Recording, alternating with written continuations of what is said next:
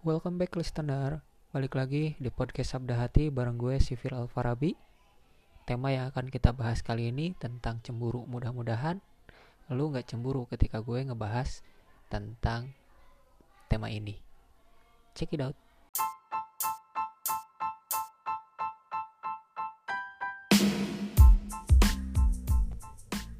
Halo listener. Pernah gak lu ngerasa lu berpikir bahwa hidup gue nggak adil. Dan ketika lu berpikir bahwa hidup ini nggak adil pasti semua karena perasaan cemburu lo terhadap seseorang. Cemburu dalam kamus besar bahasa Indonesia itu berarti rasa tidak senang kita terhadap keuntungan yang didapat seseorang.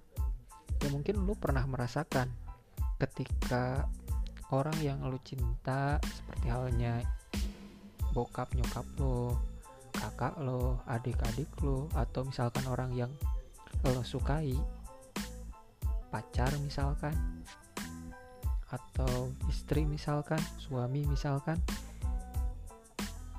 memberikan sebuah perhatian yang berlebihan terhadap orang lain dibandingkan dengan kita biasanya kita akan merasakan yang namanya kecemburuan. Ketika misalkan perhatian bokap nyokap lu lebih dibandingkan perhatiannya kepada lu misalkan dia merespon dengan sigap dan cepat gitu ya gercep gerak cepat ketika yang meminta adalah kakak lu adik lu. Tapi ketika lu yang meminta lo seperti halnya dipikirkan berulang kali oleh kedua orang tua lo. Dan biasanya di situ muncul rasa cemburu. Atau kemudian ketika orang yang lo suka gitu ya ketika sedang ngobrol berduaan lantas kemudian dia membicarakan sosok lain yang notabene terkadang membuat lo yang mendengarkan merasa tersisihkan dan berasa kurang dan di situ muncul rasa cemburu ya, Rasulullah Shallallahu Alaihi Wasallam mengatakan bahwa yang namanya cemburu itu adalah sesuatu hal yang fitrah bagi manusia. Namun dalam beberapa hadis disampaikan bahwa cemburu itu ada yang benar dan cemburu itu ada yang salah. Bahkan ketika berbicara siapa yang paling cemburu ya di kalangan kita maka Rasulullah Shallallahu menjawab bahwa Allah itu adalah pencemburu pencemburu ketika tidak senang ketika dia melihat umatnya melakukan kemaksiatan. Ketika makhluknya tidak taat terhadap syariat dan Allah cemburu akan hal itu. Kenapa? Karena Allah merasa tersisihkan. Karena Allah merasa tidak dianggap lagi. Karena dia sebagai yang maha tunggal kemudian diabaikan oleh makhluknya. So apa sebenarnya rasa cemburu itu? Apakah boleh kita melaku, e, memiliki sifat cemburu ataukah tidak boleh? Apakah ada efek baik dari kecemburuan itu ataukah justru malah efek buruk yang kita dapatkan ketika rasa cemburu itu muncul? Oke.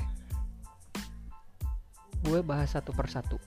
Mudah-mudahan lo bisa memahami apa yang gue sampaikan dan bisa mengambil poin-poin penting dari apa yang gue sampaikan tentang tema yang gue angkat pada kesempatan kali ini yaitu izinkan aku cemburu. Gue teringat salah satu kisah tentang dua orang sahabat yang setiap hari mereka itu senantiasa berlomba-lomba dalam kebaikan. Mereka senantiasa full power untuk melakukan ibadah. Ya, dua sahabat itu adalah Abu Bakar As-Siddiq dan juga Umar bin Khattab. Suatu waktu Rasulullah Shallallahu Alaihi Wasallam memanggil para sahabat untuk dimintai infak guna membiayai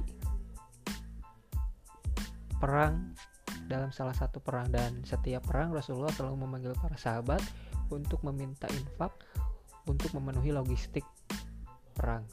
Maka sahabat yang berdua tadi mereka berlomba-lomba untuk menginfakkan hartanya. Maka sahabat yang pertama, Abu Bakar Ashidik, menginfakkan seluruh hartanya untuk infak di jalan Allah tersebut, untuk infak di medan perang, ya, infak jihad visabilillah. Lantas Rasulullah bertanya kepada Abu Bakar, "Wahai Abu Bakar, apa yang kau tinggalkan untuk engkau dan keluargamu?" Maka Abu Bakar menjawab, "Aku meninggalkan anak dan istriku, Allah dan Rasulnya. Masya Allah. Tabik, kata Rasulullah. Lantas kemudian sahabat yang kedua, Umar bin Khattab datang kepada Rasulullah untuk menginfakkan hartanya. Maka Umar menginfakkan setengah dari hartanya. Maka Rasulullah kembali bertanya, "Wahai Umar, apa yang engkau tinggalkan untukmu dan keluargamu? Aku tinggalkan setengah lagi hartaku untuk aku dan untuk keluargaku. Ya, baik, kata Rasulullah. Lantas kemudian terjadi perbincangan di antara para sahabat. Dan Umar datang ke situ bertanya, "Wahai para sahabat, apa yang sedang engkau bicarakan?" Maka para sahabat yang berkumpul itu mengatakan bahwa kami tidak pernah bisa seperti halnya Abu Bakar. Memangnya apa? Yang tidak bisa engkau lakukan tapi bisa laku bisa dilakukan oleh Abu Bakar. Maka mereka membahas tentang apa yang terjadi yaitu tentang infak yang dikeluarkan oleh Abu Bakar seluruh hartanya demi memenuhi logistik jihad visabilillah. Lantas kemudian mendengar cerita tersebut, Umar bin Khattab seraya berkata, "Sampai kapan pun aku tidak akan pernah bisa menyamai apa yang dilakukan oleh Abu Bakar. Dan aku cemburu akan hal itu. Masya Allah. Luar biasa sekali kecemburuan yang diutarakan oleh Umar bin Khattab atas Abu Bakar Siddiq. Lantas sebetulnya hikmah apa yang bisa kita ambil bahwa uh, hikmah apa yang bisa kita ambil dari cerita yang tadi gue sampaikan Pertama, kita boleh cemburu dalam perkara yang benar ketika kecemburuan itu adalah perkara-perkara yang bisa mendekatkan kita kepada Allah Subhanahu wa taala. Misalkan ketika kita berhijrah bersama sahabat-sahabat kita, melihat sahabat kita taat, melihat sahabat kita rajin ke masjid, melihat sahabat kita menyempurnakan ifah dan ijahnya, maka layak di situ kita cemburu. Ya, Berbeda halnya dengan kondisi saat ini ketika berbicara konteks cemburu itu adalah ketika orang yang kita suka, sahabat yang kita suka atau teman yang kita suka membicarakan kebaikan orang lain di depan kita. Membicarakan orang yang pernah dia suka di depan kita lantas kemudian kita cemburu. Padahal secara kontekstual dan juga secara sudut pandang yang jelas gitu hal itu tidak akan mendatangkan kebaikan ataupun keburukan. Hal itu tidak mendatangkan kebaikan justru malah mendatangkan keburukan. Sorry, gue ralat ya. Jadi tidak mendatangkan kebaikan justru malah mendatangkan keburukan. Keburukan apa? Ingat bahwa di dalam Al-Qur'an surah An-Nas alladzi waswisu fi sudurin nas minal jinnati wan nas bahwa setan akan senantiasa menyampaikan, membisikkan kepada hati-hati manusia yang sedang merasa galau, resah, sakit. Ya, bisikan-bisikan yang menyesatkan lah. Ketika kita dalam kondisi terserang oleh rasa kecemburuan, di situ setan memainkan bisikan-bisikannya supaya kita merasa bahwa apa yang disampaikan oleh orang yang kita suka baik itu pasangan kita baik itu orang tua kita kemudian menjadi bumerang bagi kita dan akhirnya kita salah mengapresiasikannya. Kita berpikir sesuatu hal yang tidak boleh dipikirkan sebenarnya misalkan. Ya sebenarnya misalkan ketika berbicara orang tua yang seolah-olah dia lebih perhatian terhadap saudara kita yang lain dibandingkan dengan kita. Muncul pemikiran apakah gue anak pungut? Apakah gue anak angkat? Apakah gue hasil dari perjanjian antara orang tua gue yang lain? Apakah gue hanya sebatas pelengkap di keluarga ini dan lain sebagainya? Atau ketika berbicara tentang pasangan apakah gue tidak sesempurna yang dia inginkan? Apakah gue terlalu banyak kekurangan hingga dia membandingkan diri gue dengan orang lain? Dan lain sebagainya. Itulah efek di mana rasa cemburu yang salah mengakibatkan kesimpulan yang salah. Mendatangkan keburukan kepada orang yang merasakan rasa cemburu. Maka rasa cemburu ini wajib dan harus kita alihkan hanya semata-mata untuk mendapatkan perhatian lebih dari Allah Subhanahu wa taala. Seluruh manusia yang ada di muka bumi ini senantiasa berada dalam perhatian Allah. Namun, alangkah indahnya ketika kita bisa mendapatkan lebih dari orang lain perhatian dari Allah dan itu sungguh sangat luar biasa. Di mana kita bisa mendapatkan perhatian lebih itu ketika kita merasa cemburu terhadap apa yang dilakukan orang lain dan kita berusaha untuk bisa menyamai mereka yang lebih taat kepada Allah atau lebih bagusnya ketika kita bisa menyalip mereka, mendahului mereka dalam rangka dalam hal ketaatan kepada Allah Subhanahu wa taala. Maka itulah cemburu yang baik.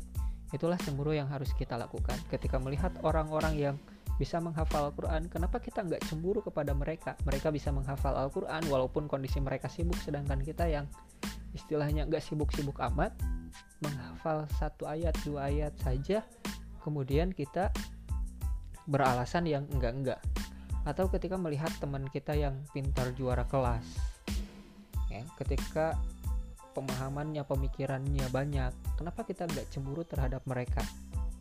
Kenapa kita justru malah ah kita malah justru berpikir negatif. Ah mungkin udah takdirnya dia pinter dan takdirnya gue bodoh. Kenapa kita berkesimpulan seperti itu? Ya kenapa rasa cemburu itu justru malah mendatangkan negatif thinking terhadap diri kita yang seharusnya justru memunculkan positif thinking ketika dia bisa kenapa gue enggak? Seharusnya yang muncul adalah hal seperti itu bukan malah negatif thinking atau malah pesimis terhadap diri sendiri. Ingatlah bahwa di surah Ar-Ra'd ayat 11, "Innallaha la yughayyiru ma biqaumin hatta yughayyiru ma bi anfusihim." Bahwa Allah tidak akan merubah nasib seseorang kecuali orang tersebut yang merubahnya. So, rasa cemburu ini akan mendatangkan kebaikan yang begitu sangat luar biasa ketika lo, kita semua bisa memaksimalkan potensi rasa cemburu itu kepada kebaikan. Dan pemikiran kita dibuat dibangun sepositif thinking mungkin. Jangan sampai beralih kepada negatif thinking. Ketika pasangan lo ketika orang tua lo memberikan perhatian lebih atau menceritakan tentang seseorang dan itu lebih hebat dari lo lu sampaikan. Lu uh, bujuk hati lo lu positif thinking ya lu berpikir bahwa gue beruntung atas apa yang mereka lakukan. Gue mendapatkan porsi lebih. Porsi lebih dari apa? Ketika pasangan lo sekarang gue yang memiliki lo sebagai pasangan gue. Ketika memi ketika perhatian orang tua lo berbeda terhadap lo lo berpikir bahwa hebatnya orang tua gue ketika apa yang gue pinta mereka pikir baik-baik apakah itu pas buat gue atau enggak. So selama lu positif thinking gak akan pernah terjadi keburukan sama lu. Dan itulah cemburu yang baik. Maka gue izinkan kalian buat cemburu atas apa yang hari ini lu rasakan. Terima kasih. Itulah podcast gue kali ini. Mohon maaf apabila ada kekurangan silahkan kirim kritik dan sarannya ke Instagram gue di @sifir underscore alfarabi mohon maaf yang sebesar besarnya Assalamualaikum warahmatullahi wabarakatuh